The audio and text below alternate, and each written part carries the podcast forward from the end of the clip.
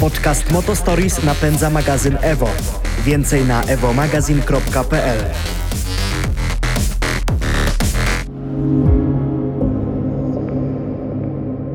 Samochody są integralną częścią naszego życia. Nie tylko nam służą, ale również, a może przede wszystkim nas fascynują. Historie z nimi związane zdają się nie mieć końca. Dlatego postanowiliśmy wybrać te najlepsze i się nimi z Wami podzielić. Krótko, merytorycznie i ciekawie. Oto specjalna seria Motostories Short.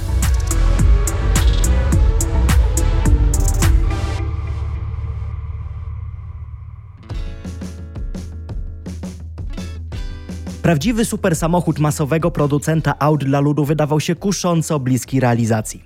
Do czasu zwycięstwa rozsądku. Rządy Ferdynanda Piecha w Volkswagenie miały wyraz w kilku niesamowitych projektach. Od drogiego w opracowaniu Lupo 3L do niezwykle dziwnego Passata W8. Był to czas także niebywałej pewności siebie Niemców, którzy widzieli przestrzeń poza Golfem czy Polo dla Kowalskiego i odważyli się oferować światu dopracowane auta w cenie premium, konkurujące z drogimi suwami i limuzynami producentów będących w danym segmencie od kilku dekad. Wśród tych wyrazów pychy nieuniknione było wycelowanie Volkswagena w rynek supersamochodów. Oto i on. W12 Coupe powstało jeszcze przed Tuaregiem i Phaetonem, a nawet poprzedzało pomysł zamontowania silnika 4.0 w budżetowej limuzynie. Prezentacja auta w Tokio w 1997 roku przy okazji zwiastowała nadejście flagowego silnika łączącego dwie jednostki 2.8, z których powstało ponad 5-litrowe W12 o mocy 420 koni mechanicznych. Projektant auta Giorgetto Giugiaro twierdził nawet, że zaczął od narysowania komory silnika, a później skupił się nareszcie, aby wyeksponować i zwrócić uwagę widzów na jednostkę napędową. Było też kilka zagrań Volkswagena sugerujących, że W12 Coupe to nie tylko ładny cukierek do statycznego eksponowania nowego pomysłu na silnik. Zaczęło się od nagrań superauta jeżdżącego o własnych siłach po poligonie doświadczalnym. Później wypłynęła plotka mówiąca, że Niemcy zamierzają wziąć udział w serii wyścigów długodystansowych. Patrząc na kokpit W12 i długi, płaski ogon nadwozia, wyobrażano sobie auto pędzące po prostej Mulzan podczas 24-godzinnego Le Mans. Jednak nic z tego. Następnym krokiem były targi w Genewie, na których zaprezentowano odmianę Roadster pozbawioną dachu i z napędem na tylną oś. Wkrótce po tym plotki o motorsporcie ucichły, a rolę zawodnika w koncernie przejęło Audi. Choć nadzieję na super Volkswagena wciąż podtrzymywano. Cztery lata po pierwszym debiucie W12 Coupe ponownie pokazano w Tokio. Tym razem z nowymi światłami, nosem oraz silnikiem 6.0 o mocy 600 koni mechanicznych. Twórcy podkreślali, że auto wchodzi już w decydującą fazę rozwoju zmierzającą do produkcji.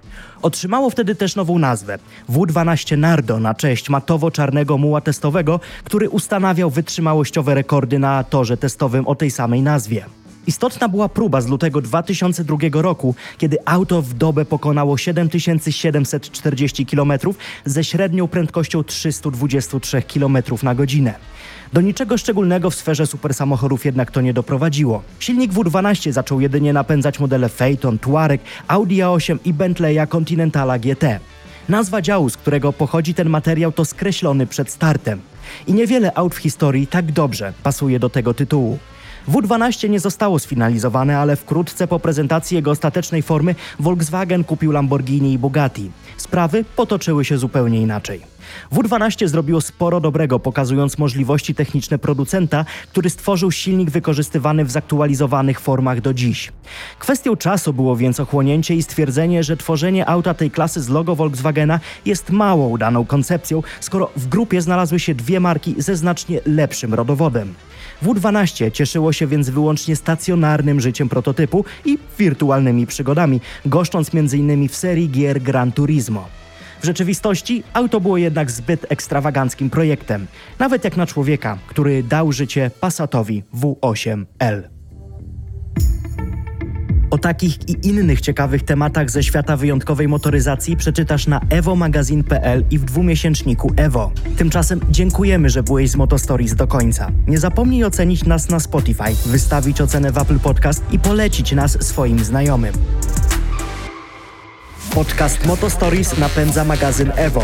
Więcej na evomagazin.pl